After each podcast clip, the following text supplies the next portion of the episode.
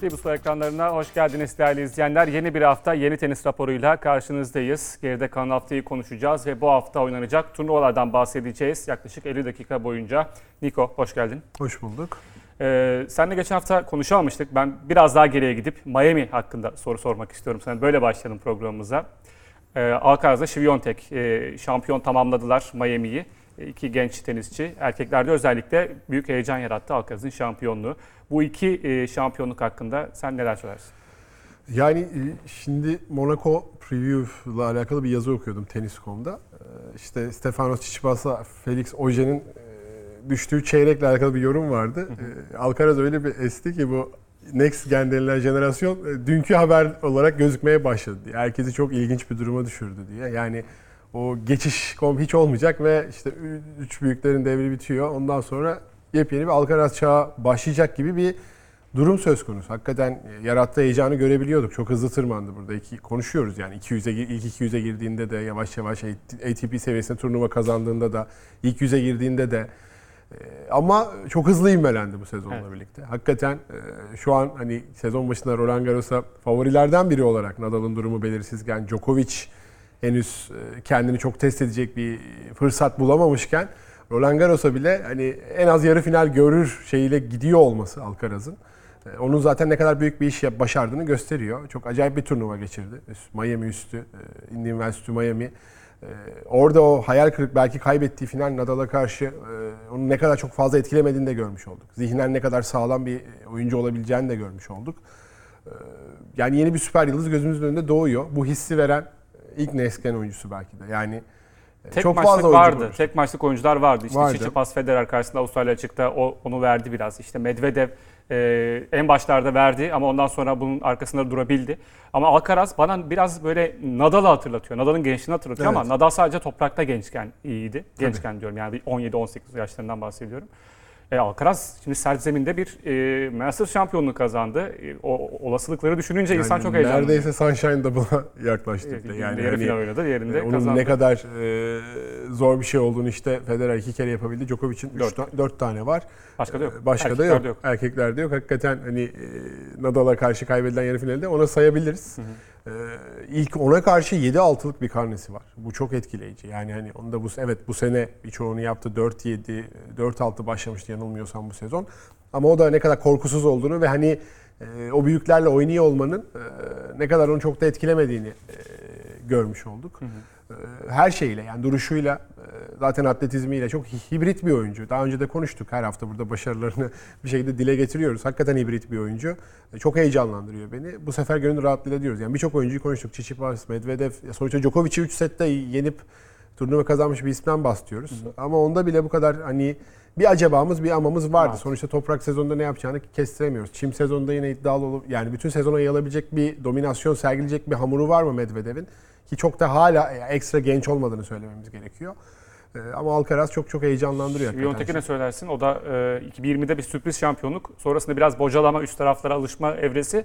Ama Barty bıraktıktan sonra da bir numara hak ettiğini şu geride bırakan, bıraktığımız bir ayda gösterdi. Aynen. Rahatladı mı acaba? Yani Barty çok olası net rakiplerinden biri olarak gözükürken. E, o da Sunshine Double'ı e, yapan en genç oyuncu oldu kadınlarda. Aynı yıl Indian Wells Miami'yi kazanan en genç oyuncu oldu. Zaten finallerde ya bambaşka absürt bir seviyeye çıkıyor. Bu da artık e, çok konuşulan şeylerin başında geliyor. Hani biz hep bir ikili rekabet bekliyorduk. Bunu Osaka, Barty'den bekliyorduk. İşte Osaka yeni yeni emekleme aşamasında diyelim. E, İyiye doğru sinyaller var en azından. E, Barty birden sahneden çekildi.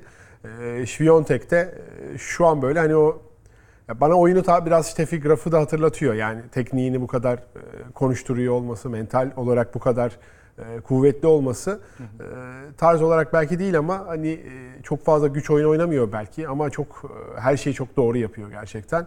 E, o beklediğimiz şey o mu? E, Ve daha önünde toprak sezonu başlamadan böyle bir giriş yaptı. Asıl iddialı olduğu e, şeyde sezonda neler yapacak onu da çok fazla merak ediyoruz. Sürdürecek mi bu çizgisini? Sürdürmemesi için hiçbir engel yok. Yani o kadar inanılmaz yaş Fiontek'i de bu durdurur. Hani Osaka'nın birden hızlıca basamakları artıp tekrar o 4 Grand Slam kazanan formuna gelmediğini varsayarsak şu an net bir şekilde bir isim koyabiliyor musun karşısına? Bilmiyorum benim gözümden kaçırdığım. Şimdi e, programda konuşacağız. Halep belki Muratoğlu'yla ne kadar e, iyi bir kimya yakalayacak. Ona göre belki. Halep'in de çünkü geçmişten Grand Slam şampiyonlukları var. Buraları bilen tenisçi. Bakacağız sakatlıkları atlatırsa.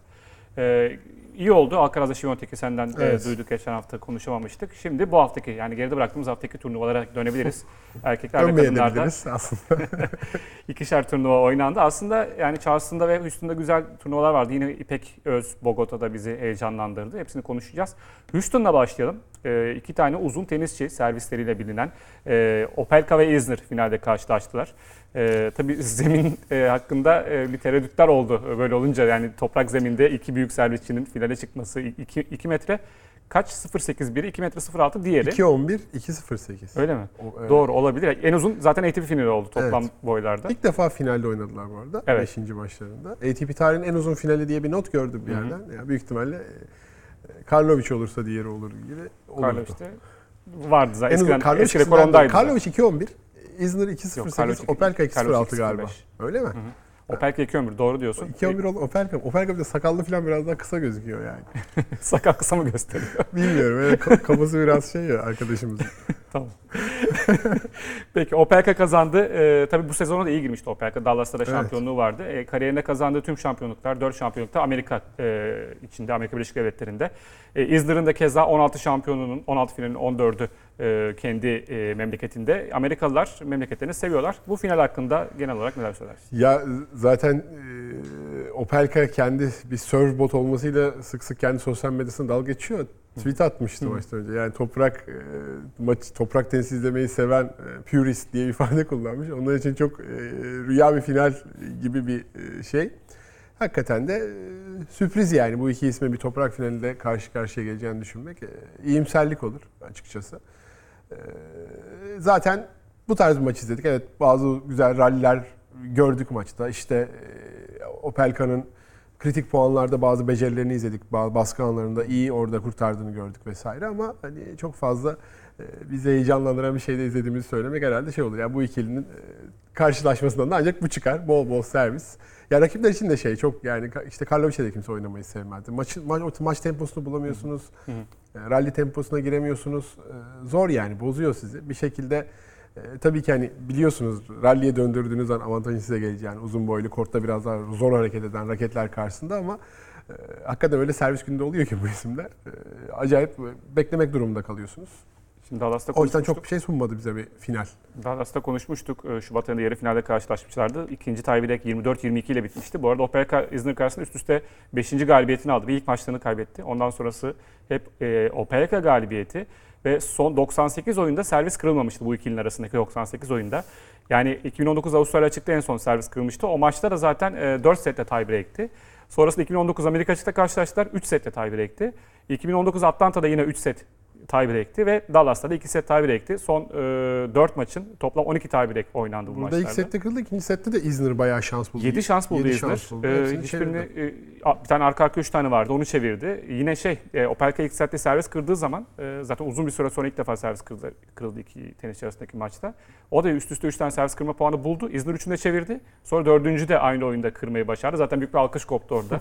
E, çünkü tiebreak bekleniyordu. E, toplam 13 servis kırma puanı gösterdiler birbirlerine. Bu ikisi, ikili arasında hiç e, beklenmedik bir sayı. Tiebreak'te de 5 mini break oldu. Bu da biraz toprağın e, alameti harikası herhalde. E, zaten maç sonunda da yani Opelka'nın öncülü e, çok fazla ortak noktası var. Çok benzer tenis oynayan bir iki isim. Hani ben hiç e, onu tanımadığım halde çok seviyorum. İdollerimden biriydi. Çok e, Evet. fanatiydim Isner'ın diyordu. E, Tanıştıktan sonra beraber de oynamaya başladıktan sonra zaten hani çok iyi bir arkadaşlığa dönüştü aramızdaki. E, Biliyorum hani bizim oyun tarzımızı pek sevmediğinizi ama e, en nihayetinde e, bu da tenisin bir gerçeği. İlginç olan hakikaten bu iki ismin bir toprak finalinde karşılaşması. O açıklamayı oldu. ben de okudum. Aklıma şey geldi. Yani tabii ki Isner e, iyi, iyi bir insan ve çabalıyor, iyi bir tenisçi. Ama hani idol olarak çoğu Amerika tenisinin kendini Isner'ı belirlemesi de Amerika te- erkek tenisinin özellikle ne hale düştüğünü gösteriyor. Çünkü Rodik'lerden, işte e, Sampras'lardan, Agassi'lerden, Makayano'lardan Isner'a düşmek diyeceğim. Çünkü yani Yani hala düşük durumda. Yine bir yani bu kadar işte Next Gen vesaire. Hani Brooksby dışında da ya bu çocuk alır Amerikan tenisini sırtına alır götürür Evet. diyecek bir isim de e, göremiyoruz pek. Hani bir artık yani Amerika'da biraz tenis şey olayı da var ya profesyonellik, amatörlük bir yandan Kolej. okul bursları, kolej onlar biraz çetrefilli giriyor ama bunlar yani 90'larda 80'lerde Amerika tenise hükmeden de hükmederken de vardı. Ee, farklı bir onların artık şeye gitmesi gerekiyor yani. yani kadınlar tenise biraz daha bunu kırdılar ama erkekler tenisinde iyiden iyi o haritadan kayboluyorlar. Yani son birkaç Labour kafa bile bak, baksak hani Tabii. e, hani o belki de evet bir gösteri turnuvası ama mesela Avrupa takımının genel üstünlüğü hakkında bize fikir sahibi veriyor. Eskiden sadece bütün Amerika ve dünyanın geri kalanı takım çıkarsa kafa kafaya oynayacak Doğru. seviyelerdeydi bu Amerika en azından. Yani onlar açısından da pek iyi sinyaller olmasa gerek. Bu radikal değişimleri yapma konusunda biraz şey kalabiliyor ama yani biraz burnu büyüklük mü desem ya da hani biz her şeyi çok doğru yapıyoruz mu desem. o sistem çok oturmuş sanırım orada. Evet. Onu değiştirmekte zorlanıyorlar. Ee, yani bir zaman kendi e, işlerine gelen, avantajları olan sistem artık işlemiyor ve onu değiştirmekte de zorlanıyorlar gibi. Yani umarız Amerika büyük bir renk çünkü yani tenis. Tabii. Ee, özellikle spor e, camiasında. Ya umarız Kanada bile bu kadar düzelir. atılımlar yaparken Evet. hani ilk 12 20 seviyesinde e, iddialı hareketler çıkarmamaları Amerika açığı başlı başına başka bir havaya büründürür. Yani Roddick'in izlediği oynadığı finalleri açın izleyin. İyi bir atmosfer oluyor. Hakikaten oluyor. Ya da ne bileyim 2006 e, Agassi Federer finalini izleyin yani. Federer'in desteklenmediği sayıdaki maçtan beni merak ediyorsanız kortlarda e, o maçı örnek olarak gösterebilirim size. Hani e, eks- her zaman bir ekstra katıyorlar tenise. Yani Formula 1'i de aldılar işte görüyorsun o mantıkla. Üç yarış oldu. E, Şu an işte sabah herkes e, belki 2000'lerin başındaki o Ferrari McLaren çekişmesinden sonra ilk defa sabah alarm kurup kalkan çok Evet. gördüm duydum açıkçası. E, Ama burada e, biraz hani kendi sporlar olarak sayabilecekleri bir sporda en az İngiltere kadar baskın oldukları bir sporda çok fazla yani bu çok uzun tesadüfle açıklanacak bir şey değil yani. yani. Andy Roddick son bir numaraları galiba. Neredeyse 15-16 yıla ulaşan bir süreçten bahsediyoruz hakikaten. E, Çanlar çalıyor epey. Ee, Fas'a uzanalım. Ee, erkeklerle devam edelim. Bir anda keskin bir geçiş. Ee, Goffen'le Molkan e, karşı karşıya geldiler. 3 sette Goffen kazandı. Ee, ilk büyük çıkışını toprakta yapmıştı. 2012'de ben onu hatta 2009 sanıyordum. Yani artık tarihler falan hepsi birbirine girdiği için ben de çok tenis izlemenin dezavantajları. 2012'de toprakta yapmıştı ve uzun bir aradan sonra da e, şampiyonluk kazanmış oldu böylece. Aslında sert zeminde de e, başarılı bir tenisçi. Biliyorsun 2017 sezon sonu finallerinde Dimitrova mağlup olmuştu finalde. Cincinnati'de de Yarı Masters, finalde Federer'i yenmişti. orada. Cincinnati Masters'ta da evet e, final oynamıştı. Medvedev'e mağlup olmuştu 2019'da. E, yani hem toprak hem sert zemin deyince aklımıza zaten e, Team geliyor. Şimdi Ruud geliyor yeni yeni ama e, Goffin de bunun ilk temsilcilerinden biridir. Burada uzun bir aradan sonra e, şampiyonluk kazandı. Sen neler söylüyorsun? İlginç bir turnuva bu. Şey e, bir baktım 2000 böyle 12'ye 13'e bir işte şey açıldı yani. Portal. Portal açıldı hakikaten. Hani Anduharlar, Cumhurlar, Carbayes, Bayanalar çok çok Souza var, Delbonis var. E, old school isimler. Bir yandan da hani Fe- Felix burada toprak sezonuna e, Tony Nadal yani önderliğinde demeyelim ama Tony Nadal'ın destekleriyle diyelim katkılarıyla nasıl bir giriş yapacağını merak ediyordum açıkçası. E, o bir hayal kırıklığı yarattı. Sezonda mı? çok iyi başlamıştı Evet. bu arada Felix. Şampiyonluğu var. Birden hızı var, kesildi gibi sanki. Amerika serisinde de çok beklediğini Evet. bulamadı. Ee, Orada hızı kesildi. Yani sürpriz bir şampiyonluk. Ya Goffin için de büyük sürpriz olmuştur. Yani hani yavaş yavaş e, hani zaten hiçbir zaman fiziksel bir tenis oynamıyordu. Evet izlemesi keyifli oyunculardan biriydi. Bence kendi sınırlarını aşacak çok e, fazla şey de var. Tabii yani 2012 Federer 4. turuydu yanılmıyorsam. Set almıştı. Herkes birden onu yeni Federer falan ilan etmişti. Öyle bir şey yok tabii de. E, yani kimse ondan bir Grand Slam kazanması beklemiyordu. Ama bence e, şeyi ölçüsünde iyi bir kariyeri oldu. Burada da ilginç bir şampiyonluk. Yani ben artık unuttuğum isimlerden biriydi açıkçası. E, geçen sene diz sakatlığı vardı. Erken tamamlamıştı sezonu. Erken kapatmak zorunda kalmıştı. Bu sezonda 15 maçta, bu turnuvadan önce 15 maçta 9 galibiyet, e, 6 galibiyet elde etti. Bu arada maçtan bir gün önce de e, Hiş- Hişam Arazi ile e, bir antrenman yapmış. Hatırlarsın Hişam Arazi'yi. Faslı eski tenisçi. E, Faslı İlk 50'lerde vardı Hişam Faslı Arazi. ma- mak- 22'ye yükselmiş galiba Hı maksimum. Faslı McEnroe diyorlardı bir e, Grand Slam sırasında bir yine ne derler ona çok sinirlendiği için kendini tutamadığı için e, Faslı McEnroe lak- lakabını almıştı. 2022 Roland Garros ilk turunda da Federer'i yenmişti. Biliyor musun onu? 2000 kaçta yapmış? 2002. Ha 2002'de Hişam Arazi ile evet, Federer'in bir Wimbledon'da böyle tatlı bir yanısı vardır. Bir şey sinirlenip böyle Federer ekstrem bir puan almıştı. 2004 veya 5 olabilir. E, Sonra işte onun emekliliğine yakın bir süreydi galiba. Federer'in normalde changeover'larda kendi sandalyesine otursun ya o changeover boyunca yan yana oturmuşlardı Wimbledon'da. Öyle e, merak edenler bakabilir. Hani ben onu e, 2000'lerin başında TED kortlarında biz de o zaman basketbol oynuyorduk. Orada antrenman yaparken görmüştüm. E, Burada İstanbul'da antrenman yapıyordu. Şu an İstinye'deki kortlarda. Ya öyle bir anım var kendisiyle. E, İşte ortalama bir oyuncuydu ama Evet. Fas'tan da dünya 22 numarasına girecek bir oyuncu. Çıkmıştı gerçekten. E, Molchan finaliste e, ikinci turda Felix'i yenen e, isim. E, kariyerin ikinci finalini gördü. Geçen yıl Belgrad'da Djoko- Djokovic'le oynayıp kaybetmişti. Bir de Amerika açıkta geçen sene e, Cem'i ilk turda yenen isim. Evet. E, onu da hatırlatalım ve kadınlara geçelim geçen haftaki turnuvalardan. Charleston'da, e, Charleston'da e, 500 puanlık bir turnuva oynandı. Yeşil toprak tabii hepiniz biliyorsunuz. E, Burada Bencic, e, Ons Jabeur ile finalde karşılaştı. Çok da güzel bir maç oldu. 2,5 saat sürdü. Çekişmeliydi. Güzel puanlar oynandı. Ve Bencic bu zorlu maçtan e, galip gelmeyi başardı. 2019'dan sonra da WTA serisindeki ilk şampiyonluğu kazandı. Tabii biliyorsunuz geçen sene olimpiyatlarda da altın madalyayı boynuna asmıştı. Teklerde Belinda Bencic. Aynen hani o da 16-17'sinde yeni Martin Hingis olarak lanse ediliyordu. Ki e, maç sonu seremonisinde de Charleston'ın kendisi için özel bir yeri olduğundan bahsetti. İlk büyük çıkışını 2014'te burada yarı final görerek yapmıştı. E, belki ondan sonra tam olarak o beklentileri biraz da sakatlıkların etkisiyle karşılayamadı ama e, 2022'ye biraz yavaş başladı. Miami'de işte Osaka'ya yakın bir e, maç kaybettiğini gördük. Her zaman aslında e, bu yeteneklere sahip bir isimdi ama onun da çok kötü bir sakatlık sicili var. E, Ama keyifli bir final izletti. Daha erken bitebilecek bir final gibiydi aslında. Bir türlü maçı ikinci sette kapatmakta zorluk çekti. E, Biraz gergin anlar yaşadı. Jabeur tabii asla hiç pes etmeyen bir oyuncu. E, Gerçekten inatçı bir yapısı var. E, Epey keyifli bir final izlettiler bize. E, Bench içinde e, yani o noktalara gelir mi? 2014'te 15'te ilk ortaya çıktığında işte yine e, Miami 2015'te Indian Wells kazanmıştı galiba. E, Simona Halep'i yenip. Böyle parladığı anlar var. Ama hiçbir zaman tam olarak o beklentileri tam karşılayabilen bir raket olmadı. Onun başlangıcı mı? Tabii Onun ki. başlangıcı mı olur? Yoksa yine bir onun klasik saman alevi parlayıp sönmelerinden biri olarak mı kalır? Göreceğiz toprak sezonun geri kalanında. Topraktaki ilk şampiyonluğu kariyerinde yani toprak hiç favori zemini değil. E, Bir de sert zeminden gelip hani Indian Wells Miami'de fena performans göstermedi. Oradan gelip e, toprağa da geçişinde ilk turnuvasını kazanması 500 puanlık bir turnuvada zorlu maçlar oynayıp. Çünkü ikinci turda da elenmenin işine gelmişti. Oradan e, çevirdi. E, Hiç fena değil. E, Bencic'i geçen sene zaten olimpiyatlardan bu yana yakından takip ediyoruz. Geçen seneki programlarımızda da konuşmuştuk. E, Sakatlıkların kendisini ne kadar etkilediğini.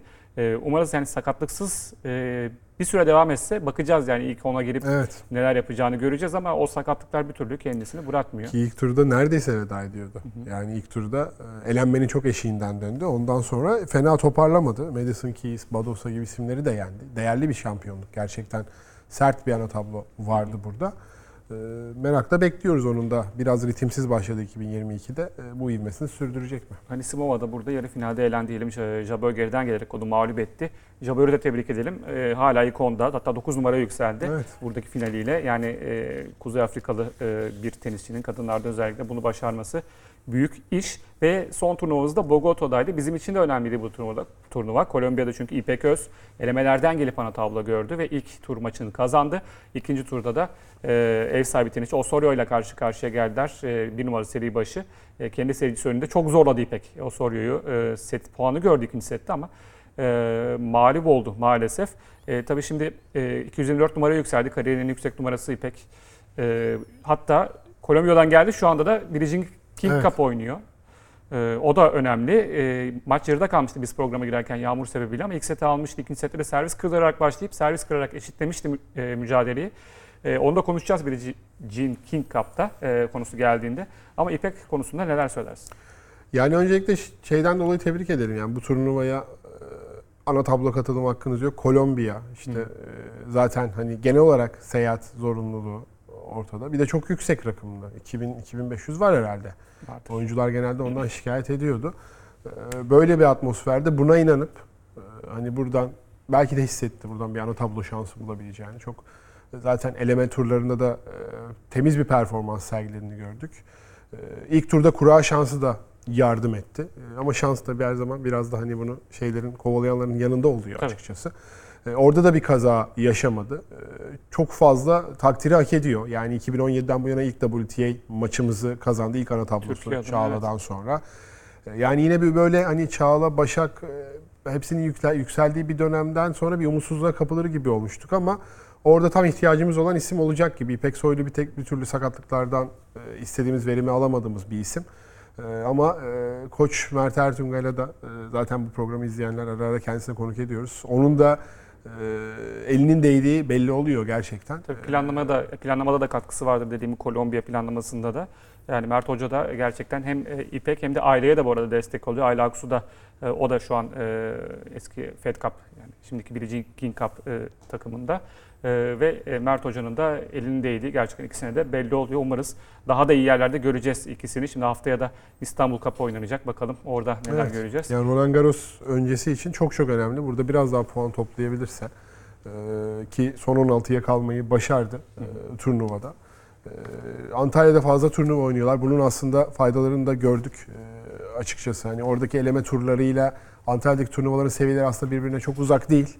Onun belki avantajını e, yaşamış oldu İpek'te. E, ve bizi bayağı sevindiren geçen haftanın en önemli olaylarından biri. O Sorya maçı da cidden yakın Çok bir iyi. maçtı. Yani çok büyük bir tecrübe olacak kendisi için. Turnuvanın bir numaralı seri başı kendi evinde oynuyor. Sonra belki ilerleyemedi çok fazla. Yarı finalde e, Pigossy'ye kaybetti ama e, turnuvanın bir numaralı seri başı. Dünya 33 Son numarası. şampiyon. 20 yaşında genç bir raket. Son şampiyon. Gerçekten istim üstünde bir isim.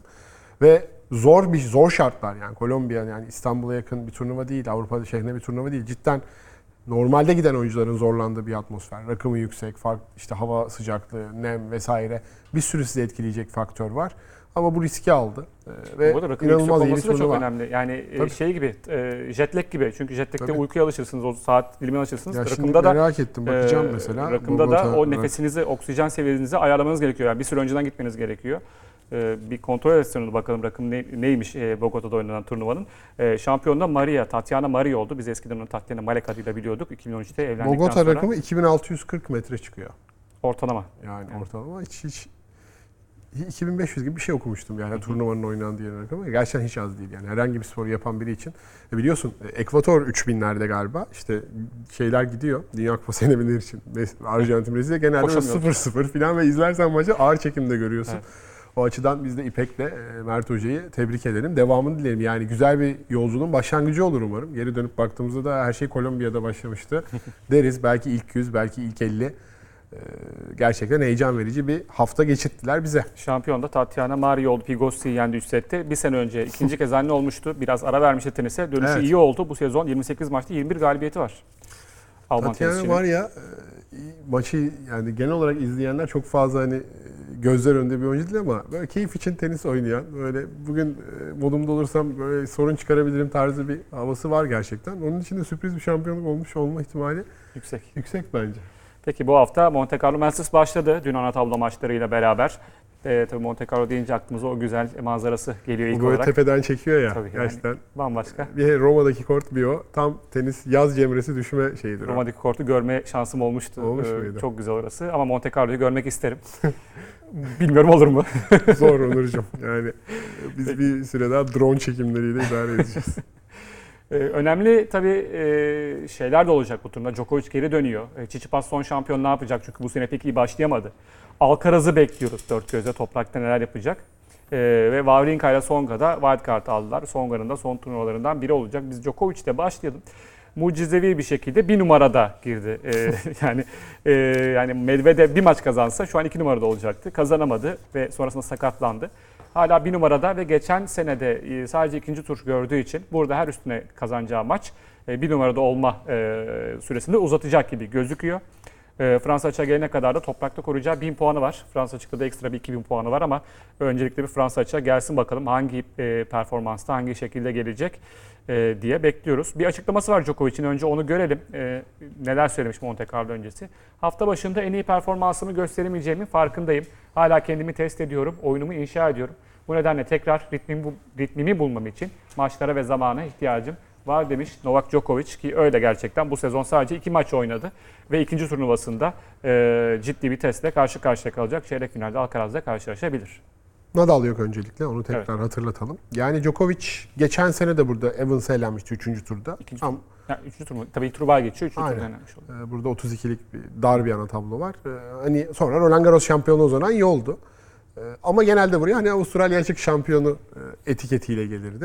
E, Ve e, Şu an biraz farklı. Şu an hani bir erken elenme farklı şeylerin kötü sinyali olabilir açıkçası. Yani geçen senelerden o açıdan biraz farklı. Ee, Ben de merak ediyorum açıkçası. İkincisi e, sert bir kura. Ya tabii 32 ismin olduğu, 16 seri başı olduğu bir yerde çok kolay bir 54 olabilir emin değilim ama. Ya 32'den fazladır. Ha yani evet şeyler e, geçince doğru. E, sert bir kura ile karşı karşıya. Alcaraz yolun üstünde e, duruyor. E, Agut her zaman Djokovic'e ters gelen isimlerden biri. Olası rakipleri. E, Fokina belki bu sezon çok e, üst düzey bir formda değil ama toprakta yine sorun çıkarabilecek bir isim. Özellikle Djokovic'in dediğim gibi şu an elimizde bir done yok yani ritim mi ne form durumu. e, yani artık Djokovic'in de 87 doğumlu olduğunu 35 yaşına yaklaştığını Evet. hani onun o terminatör e, durumunu biraz daha e, sağlayamama ihtimali olduğunu en azından sağlayamaz demiyorum asla. Önemli olan ritim bulur. Ee, ritim göz bulabilmesi. önünde bulundurmak gerek gerekiyor. Ee, ama gönlüm oradan bir hani bir Alcaraz Djokovic maçı izlemek istiyor. Herkes istiyor. İzler miyiz? Emin değilim. Şu an Alcaraz onun da istiyor bu arada. oynayabilecek olması Djokovic için öncelikli Hı hı. biraz onu rahatlatan etmenlerden biri. Fransa açık e, en azından yeni bir hani şey olmazsa e, şu koşullarda oynayacak Evet, gibi. evet. Böyle bir e, artık polemikler silsilesinden biraz uzaklaşmak kendi de isteyecektir. Avustralya açık e, hataları çok olsa da onun için yıpratıcı bir süre, süreç oldu. Aşikar yani. Her açıdan zorlu bir e, süreç geçirdi. İstediği kadar maç oynayamadı.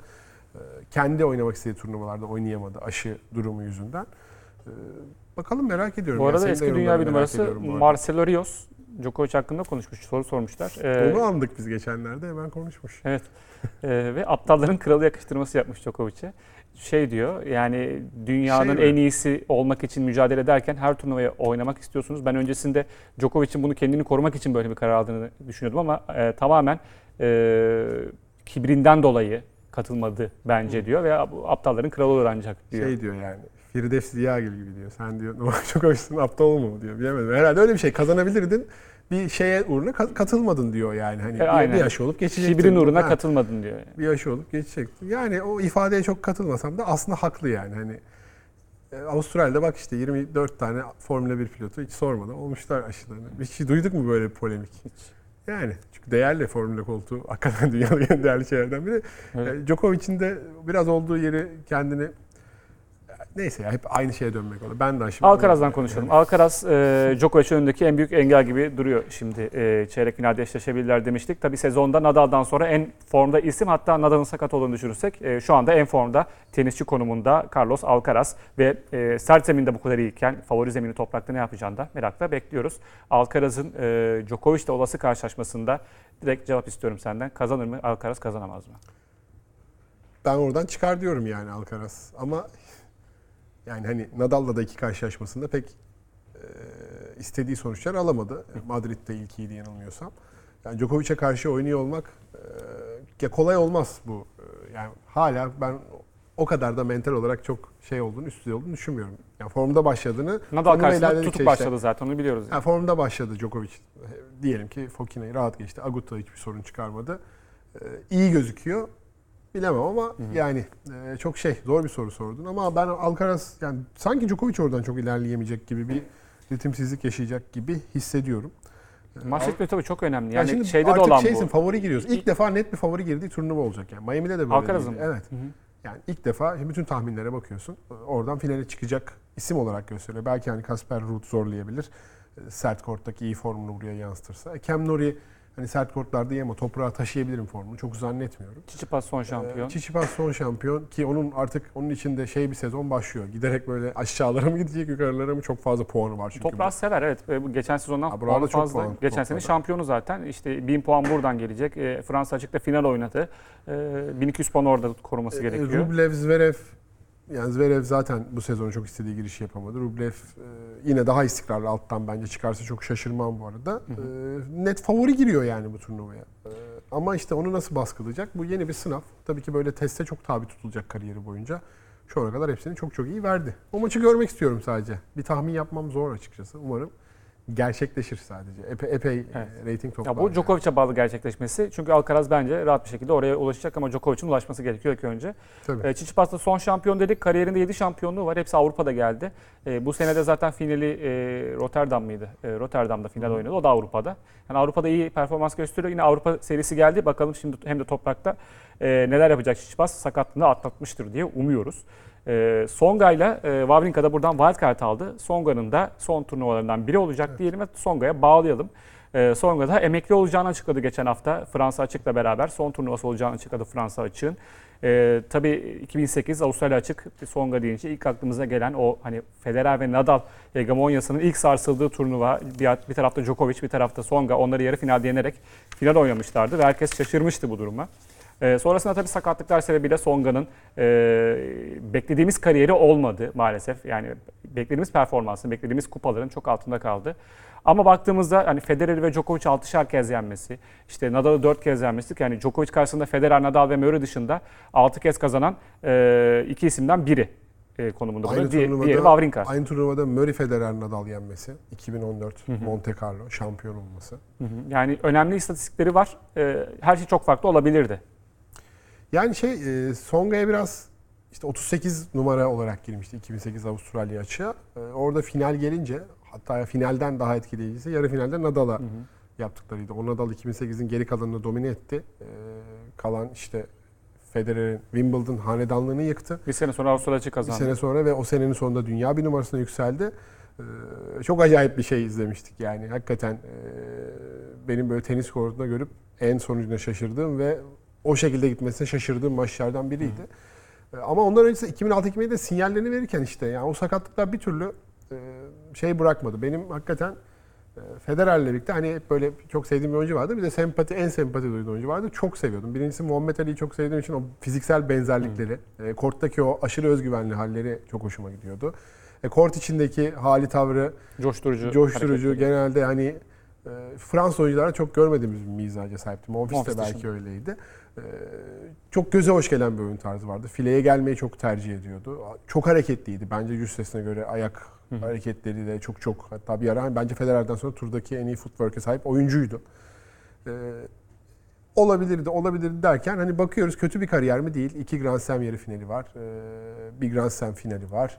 E, Wimbledon'da işte 2011-2014 arası o yarı final finallerin geldiği süreç. Federer 2-0'dan gelip yenen ilk maçları var. Aynen 2011 e, 2012 2011 Wimbledon'da e, çok acayip bir maçtı. 2012 yarı final Murray Wimbledon maçı o da iyi maçtır. Federer'in karşısında Murray değil de Songa çıksa bir önceki maçın şeyleri hissedilir miydi acaba psikolojisi? Onu merak etmiyor değilim. E, yani 2008'de iyi başladı. Paris Masters'ı kazandı. 2011'de işte sezon sonu turnuvasında finale yükseldi. Çok yaklaştı. Federer'den bir set aldı. Tiebreak'e götürdü. Final setini e, alabilirdi. Ee, yani çok e, daha farklı bir kariyer olabilirdi. Evet bu büyük üçlü döneminde biraz o duvara çarpan isimlerden biri ama yetenek tavanı biraz üstlerdeydi. Yani hani Del Potro da çok kuvvetli forehand iyi servis ama mesela Songa kadar iyi hareket edemiyordu. Peki Ya Del Potro, el hassasiyeti öyle değildi. Del Potro ile yani Songa'yı daha fazla vardı bence Songa'nın. Del Potro ile Songa'yı düşündüğünde ikisi de sonuçta sakatlıklardan e, dolayı e, istediklerini başaramamışlar. Hangisi daha üstte sence? Del Potro daha üstte. Grand Slam kazanan her zaman daha üsttedir. Ki Del Potro'nun şeydi yani e, çok şey sakatlıklar yani kariyer bitirici. Daha uzun süreli Daha uzun sürecek. süreli ve tam böyle top formu yakalandığında sürekli sakatlandı. Yani 2009'da hiç sakatlanmadığı bir atmosfer oluşsaydı Djokovic'in de hala kendini bulmadığı ortamda. Yani o 2008-2011 arası boşluğa tam denk geliyordu. Yani Djokovic, Del Potro öyle bir hakimiyet kurabilirdi ki Djokovic belki 2011'de tekrar o yükselişini yapacak bir e, ortam bulamayabilirdi. Yani tenis tarihi bence biraz orada farklı kırılım yaşadı. Ee, o açıdan Del Potro yine önde olurdu ama ben hangisini izlersin benim favorim ya da e, hani yetenek setinin daha üstte olduğuna inandım. Bence mesela Murray yetenek olarak, el hassasiyet olarak Nadal'dan da Djokovic'ten de yetenekti ama işte bunun tek başına yetmediğini zaten gördük yani. Bakalım Songa neler söylemiş? E, pişmanlığı var mıymış kariyeri hakkında? Bir ekrana gelsin. Ben de okuyayım. Sayısız pişmanlığım var. Kariyerime bakıp neredeyse her şeyden pişman olduğumu söyleyebilirim. Son zamanlarda bu soruyu kendime çok sık soruyorum. Cevap her zaman aynı oluyor. Şöyle yapsaydım, böyle etseydim dünya bir numarası olurdum. 25 Grand Slam kazanırdım. Bir numarayı 858 hafta elimde tutardım. Ama maalesef kendi hikayemi kendim yazdım demiş. O da biraz pişman sanırım yaptıklarından, yapamadıklarından dolayı. Ee, var mı daha ekleyeceğim bir şey Songa hakkında? Yani yok keşke e, yenmeseydi bizi 2011'de. Bizi. Çok güzel. O sırada tak- Federer'in takımındaydın galiba. Evet, aynen. Ee, bayağı gümbür gümbür şampiyonluğa gitti. Federer'in Grand Slam kazanmayıp işte o 2010-12 arası en iyi oynadığı seneydi. 5 Masters'ı falan var. Hakikaten iyi bir seneydi. O turnuvayı da oraya kadar çok iyi getirmişti. Ya bir yarı final Djokovic Federer maçı izlemek isterdim. Wimbledon'da yenmişti zaten. Wimbledon'da. Şey, e, Fransa açıkta zaten yenmişti Djokovic'i. Seriyi sonlandırmıştı. Evet. Bir iyi, ondan üstüne sonrası da geliyordu. iyi götürdü. İyi geliyordu. Orada bir hikayeyi bozan isim oldu. Ama tabii 2008 Nadal maçındaki o resitalinde unutmayacağım kendisini. Bir e, Cuma öğleden sonra mı epey şenlendirmişti. Ya çok acayip bir şey yapmıştı gerçekten. Yani Keyifli maçtı, keyifli Çok, maçtı. Ee, Halep'e geçelim. Ee, Halep, Patrik Muratoğlu ile yeni bir e, koçluk birlikteliğine başladı. Bu arada Bihter e, şey Firdevs Ziyagil dedim. Firdevs Yöreoğlu'ymuş. ben hiç için Memnu sadece bakıyorum şu anda sana. Değerli arkadaşlarımızdan düzeltmeler geldi. Olsun anlayanlar vardır elbet. Sana da her hafta böyle düzeltmeler geliyor Hemen. Nikocuğum Bak, yani. tenisle İzleniyoruz ilgili, yani. Tenisle ilgili hiç gelmez. Her magazin oldu mu düzeltmeler yağıyor programda. Lütfen tenise davet ediyoruz izleyenleri. Peki Halep Muratoğlu. E, Indy Üniversitesi'nden bir, bir hafta önce Halep Indy Üniversitesi sırasında da e, Muratoğlu Akademisi'nde çalıştı. E, ve orada Patrik Muratoğlu'na gidip benim koçum olur musun demiş. Muratoğlu da şu an bir şey söyleyemem bir Serena'ya sormam gerekiyor demiş. Gitmiş Serena'ya sormuş. Serena tamam deyince e, yeni bir e, üst düzey e, tenisçi koç ilişkisi başlamış oldu böylece. Tabii son dönemi sakatlıklar da geçirdi Halep geçen sene özellikle. Miami'de de bacağındaki yırtık nedeniyle çekildi turnuvadan. Geçen sene Roland Garros ve Wimbledon'da mücadele edememişti. Artık üstüne koyacağı çok puan var burada. Patrick Muratoğlu ile beraber bakalım. Hani Patrick Muratoğlu deyince zaten Serena Williams'la çalıştıkları süre boyunca kazandırdığı 10 Grand Slam geliyor akıllara. E, sen nasıl bir birliktelik bekliyorsun bu ikiliden? Tenis dünyasını şaşırtan bir birliktelik oldu. Ee, iki ismin karakterinin çok birbirine uyuşmayacağı yönünde yorumlar var. Ben de bunun tam tersi farklı bir e, mekanizmayı harekete geçireceğini düşünüyorum sanki. Yani Halep'in artık bu aşamada e, bir böyle bir kumara, kurşuna ihtiyacı vardı sanki.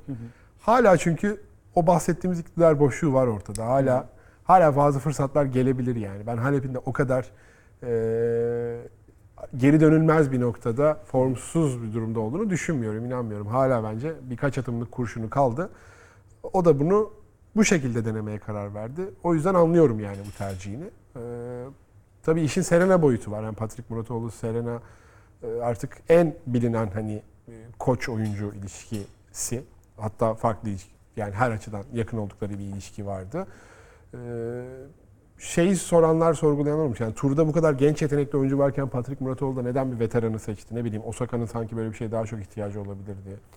Ya da bunun gibi şey yükselmekte olan genç oyuncular var. Neden Şviyontek'le değil de işte Halep'le gibi.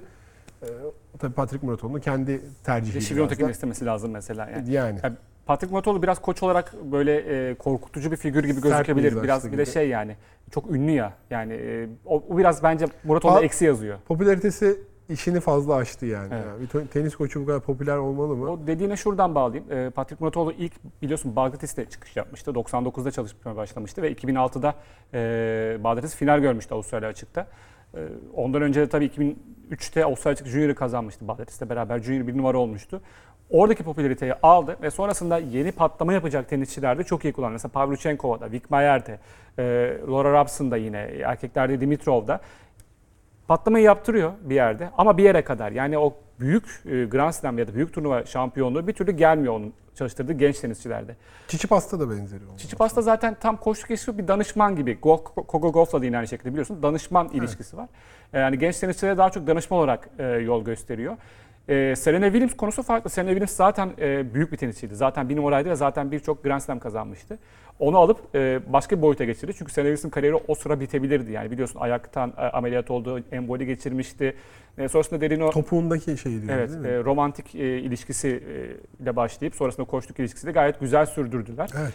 E, şimdi Halep'te de benzer bir şey var. Halep de bir numara görmüş, Grand Slam kazanmış bir isim. Ama Serena gibi kimya oluşturacaklar mı bilmiyorum. Çünkü Halep daha duygusal bir oyuncu bence. Daha Ve hatta içine kapanık. daha içine kapanık. ve Derin Kahil'le mesela iyi bir koçluk ilişkisi kurmuştu Halep. Yani Derin Kahil'le bir süre gittiler, ayrıldılar, bir daha başladılar, bir daha bıraktılar. Ama e, baktığında ben Muratoğlu'yu Derin Cahill gibi bir koç olarak görmüyorum. Hani çok çok ünlü, biraz e, sosyetik e, diyeyim yani bir koç olduğu için E, Tam olarak bütün dikkatini verebilecek misin? Buradan evet mesela? buradan nasıl bir şey çıkacak ben pek ümitli değilim iyi bir şey çıkacağı konusunda ama bekleyip görelim. Çok şaşırtan birliktelikler de oldu. Yani ben e, o dediğine oradan katılıyorum. Ne kadar yani sonuçta medyatik ve şey artık bu koçluk işini farklı akademisiyle vesaire farklı segmente de taşımış artık Evet. yani holdingleşmiş bir isim. Yani hani e, Halep'in sadece ona özel, ona fokuslanan e, tüm dikkatini onda olan bir koça ihtiyacı var mı? Yoksa tam olarak istediği, beklediği bu mu? E, göreceğiz ama e, Halep böyle bir şey denemek istedi onu da anlıyorum yani. E, böyle bir fırsat hala görüyor toprak sezonu öncesinde de. E, merak edeceğiz biz de yani bizim için de yeni bir takip edilmesi gereken e, başlık halini alıyor bu birliktelik. Evet e, devam edelim. E, bu sezon birçok özellikle erkek tarafında birçok şiddet olayı gördük. Şiddet olayı diyeceğim çünkü hani Zverev'in hakem sandalyesini raketle vurması, sonrasında Brooksby ve Kyrgios'un top toplayıcı çocuğu neredeyse raketle vurması. Hatta hani geçen hafta işte Houston'da yine Kyrgios e, bir hakemle topun içeride dışarıda olup olmadığı konusunda tartışmayı uzattı da uzattı. Bir şey yapılması gerekiyor. ATP'nin bir şey yapması gerekiyor ve e, artık Başkan Gandezi de bir açıklama yaptı e, enin- eninde sonunda ve e, üzerine çalışmaya başladıklarını söylediği bir açıklamayı görelim. E, sonrasında üzerine konuşalım. Büyük arenalarda mücadele eden üst düzey atletler olarak ne kadar bu- bunu tabii bu arada oyunculara e, dear players diye söylüyor. E, ne kadar büyük baskı altında korta çıktığınızı anlıyoruz. Herkes insandır ve mücadelenin sonunda çok şey var. Farkındayız. Ancak sporumuzun itibarını ve bütünlüğünü korumak için hepimize görev düşüyor. Sezonun ilk 3 ayında spor, sportmenlik dışı ihlaller içeren birçok yüksek profili olay gördük. Hakemlerin ya da top toplayıcıların ortasında kaldığı agresif ve saygısız hareketler içeren birçok tehlikeli ana tanıklık ettik. Bu hareketler sporumuzu kötü gösteriyor. Bu hareketler herkesi etkiliyor ve özellikle genç tenis severlere yanlış mesajlar taşıyor. Toprak sezonuyla beraber hemen geçerli olmak üzere hakemlerimiz bu ihlallere karşı daha katı bir tavır takınmak konusunda bilgilendirildi. Ek olarak bu tip ciddi olaylar ve tekrar tekrar bunları yapan tenisçilere karşı daha güncel cezalar verilmesi konusunda disiplin sürecimizi gözden geçiriyoruz. Bu yıl içerisinde sizi bu konuda bilgilendireceğiz demiş. Ee, niye bu kadar çok bekliyorlar? Ee, tabii biraz e, ticari kaygılar da var burada. Turnuvalar ve sponsorlarla ilgili. Ama ya bunlar yani Zverev yani olmak birinin birine bir şey fırlatması bir turnuva için iyi bir şey mi? yani? Zverev'e 8 hafta ceza verip bunu ertelemek. Evet. Yani tenis Zverev'siz 8 ay yapa- 8 hafta yapamıyor mu? Ya görüyorsunuz işte yani bak şimdi Federer bir buçuk yıldır yok. Djokovic kaç turnuva kaçırdı? Bak en uç örnekleri veriyoruz. En uç yani. Serena bir, Williams. Bir buçuk bayağı abarttın. Bir buçuk olmadı. o kadar uzun mu geldi? O kadar uzun. Yani o arada bir Dubai'de falan çıktı onları saymıyoruz. Geçen Wimbledon'ı hatırlamak istemiyorum zaten. Onları sildin tamam. hani iki yıldır bir düzenli Evet. görmüyoruz yani. E, e, kadınlar tarafında da böyle. Yani hani gerçekten daha daha ne olabilir? Bir de hani işte hakemlere bildirdik. E, Roland Garros hem şey toprak sezonunda başlayacaklar. Ya bunu hemen yapabiliyorsan yani ne ne ceza vereceksiniz de sponsorlar, yayıncılar, e, Deniz'in diğer ekonomik kaynaklarını sağlayan bileşenler ya e, diyecekler yani. Gerçekten ya es- ya sakatlanabilir de 5 gün bir dakika kala da çekilen oluyor. Maçı bırakan da oluyor. Bunlar var sporun içinde yani. Ya bu sadece daha fazla yapmak için cesaretlendirmek olur yani ki Kyrgios haftalardır burada her hafta bir tane Kyrgios olayı konuşuyoruz. Her hafta, yani. Her, her hafta ya. Ya ben bunu gerçekten anlamıyorum. Yani Zverev, Tsitsipas, Federer, Nadal ya kim tarihte hangi figür hangi sporun üstünde oldu ya? Hani belki Michael Jordan'ın 90'lar sonundaki bırakmasını sayarım. O da çok ekstrem bir örnek yani. Gerçekten. Bu kadar. Bu kadar yani. E, bir de gençler maçında bir Ya tokat bir şey de olayı var. da falan görelim. yok yani. Seneye yapıyor oluruz yine programı. Hiçbir şey olmaz yani. Gerçekten biri biri iki tenisçi. Birinin yaralanması gerekiyor artık. iki, tok, iki tenisçi tekme tokat birbirine girişmediği müddetçe biri böyle ağzı yüzü bilmem ne olmadı ya da bir hakeme bu yapılmadığı Aynen. müddetçe olmayacak. Bu da biliyoruz yani. Bir görelim gençler maçındaki tokat olayını. İşte burada yani gençler bunlar ve filede tokaşma sırasında rakibine tokat atıyor. Hani Will Smith'i çok mu izledi acaba ne oldu bilmiyorum ama yani çok görmek görmek beni şaşırttı bunu. Böyle bir şey hiç beklemiyordum. Ya çünkü ya model bu yani yani Değil mi? bilmiyorum. Bunu görüyorlar. Ha tamam bu münferit bir şey diyeceğiz ama arka arkaya bu kadar şey artarken bir de bunun gelmesi belki daha çok oluyor da bu şu an dikkat çekti. Bilemiyoruz çok fazla yani alt seviyelerde tenis maçı oynanıyor. Dediğim gibi hani e, olabilir bu kriminal bir olay. Belki bambaşka bir altyapısı var bilemiyoruz. Yani korkunç bir görüntü çok tekrar vermesek de olur ama Hı hı. Yani biraz da bu yani hani kaç Umarız- eklemişsin akışa giriyor olaylar yani hani. DSF'e döndüğü şeyde zaten. Yani Kyrgios bunun e, şu an bayrak taşıyanı konumunda gözüküyor zaten. Devam edelim biz. Tenise dönelim. E, Billie King Cup e, Antalya'da bizim Avrupa, Afrika birinci grup A grubu maçlarımız oynanıyor. Bugün başladı. Danimarka ile e, karşılaşıyoruz ilk gün. Grubumuzda Macaristan, Estonya ve Sırbistan da var. Diğer gruba baktığımızda daha e, iyi bir grup gibi gözüküyor. Çünkü diğer grupta Hırvatistan'da Konjuh, Martic ve Kiç var. Evet. Slovenya'da Zidansek ile Juvan geldi. Ee, bizde de Pemra Özgen, İpek Öz, Berfu, Cengiz, Ayla Aksu, Zeynep Sönmez ve İlay Yörük var takımımızda. Danimarka'da ilk maçı kazandık Danimarka karşısında. Ee, Pemra Özgen kazandı mücadeleyi.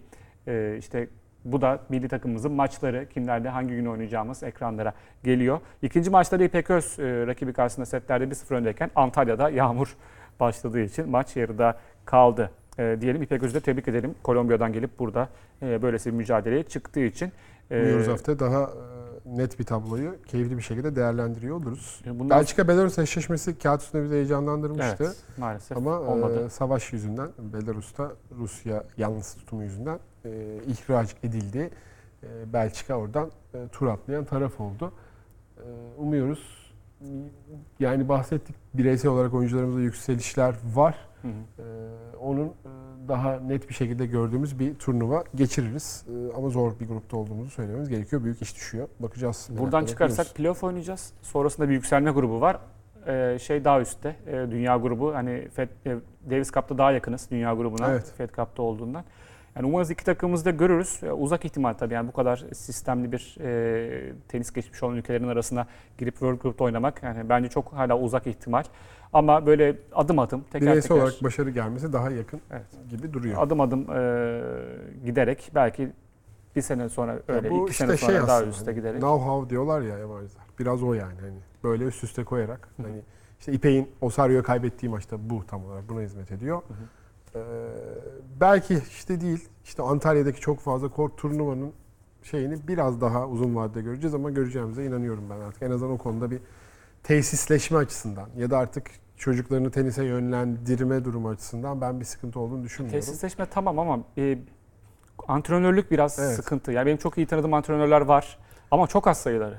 Yani belki de tenis yet- yetiştirmekten çok antrenör yetiştirmeye odaklanıp Ki artık bu çağda hani e, bir program belirlemeliyiz. şey de daha da teknoloji sayesinde bunu hızlandırmak. Atıyorum ya ben de isterim 10 tane antrenörümü seçelim elit. Amerika'da bir yıl kalsınlar hem dillerini geliştirsinler hem oradaki akademilerde neler yapılıyor. Yani çok ufak bir dünyası bile yani bir servis hareketinde gibi bir milimlik değişim. Belki orada alacağım bir tip bir oyuncunun kariyerinde ne değişiklikler yapabiliyor yani. yani. Ya Djokovic bile tam oldu derken Boris Becker bir geldi. Bambaşka ekstra bir oyuncuya çevirebiliyor yani. Çok iyi da en iyi de daha iyiye çıkarabiliyorsun Aynen yani. Teniste özellikle artık hep denir ya milimetrelerle oynanan bir oyun. Gerçekten çok nüansların belirlediği bir oyun. Antrenör eğitimi konusu her branşta öyle. Ee, federasyonda bu yönde çalışmalar olduğunu da biliyoruz. Ee, ama en temel konu o gerçekten. Yani yetişmiş antrenör. Pandemi zamanında online antrenör seminerleri düzenlendi birçok. Yani umarız bunlar da meyvelerini verir kısa zaman içinde ki biz de artık hani şu teniste e, Grand Slam'lere alışık, e, orada bayrağı gör- görmeye alışık e, bir tenis sever güruhu oluruz diyelim. Bir başka milli tenisçimiz Çağla Büyükakçay biliyorsun geçen Ağustos başında Romanya'daki turnuvada verdiği idrar numunesinde e, yasaklı klambuterol maddesine rastlanmıştı. E, klambuterol değil e, düzeltiyorum. E, raktopamin. O da klambuterol e, benzeri bir madde aslında. Kasım ayında da lisansı e, askıya alınmıştı. Şimdi süreç var. E, savunmayı vermiş bir açıklama yapmış. Onu Uzadı görelim. biraz süreç gereğinden fazla gibi sanki. Ee, yani evet biraz uzadı. Belki pandemi etkisi, belki birçok olay olması. Bir Çağla'nın açıklamasını görelim. Evet Instagram'dan bir açıklama yaptı.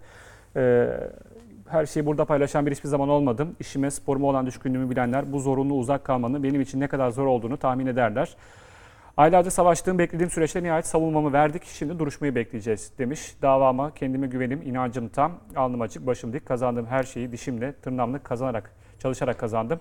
Her şeyime çok dikkat ettim. İzlediğim yolda beni rol model alan çocuklara örnek olmaya devam etmekten hiçbir zaman vazgeçmedim, vazgeçmeyeceğim diyor e, Çağla Büyükakçay.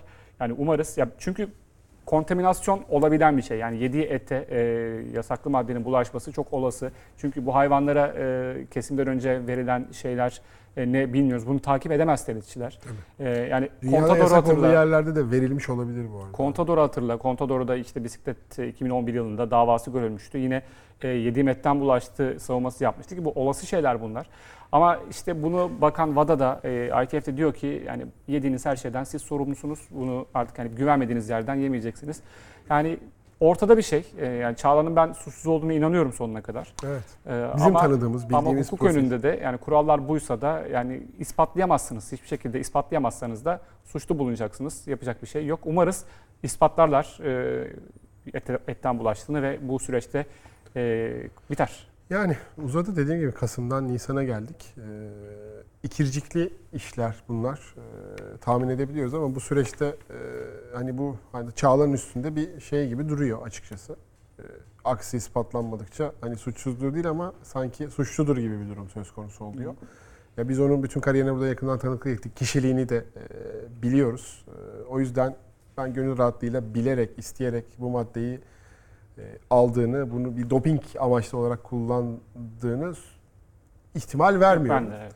Ee, Birçok sporcunun başına gelebilecek talihsiz bir durum başına geldi. Umuyoruz en kısa sürede bu artık yeterince uzayan süreç e, sonlanır. En azından e, Çim'de sezonuyla birlikte Çağla'yı da tekrar kortlarda görmüş oluruz. Umarız öyle olur. E, Böylelikle programımızın sonuna geldik. Geçen haftaki turnuvaları konuştuk. Bu haftaki turnuvayı konuştuk. Gelecek hafta tekrar görüşmek üzere. Hoşçakalın.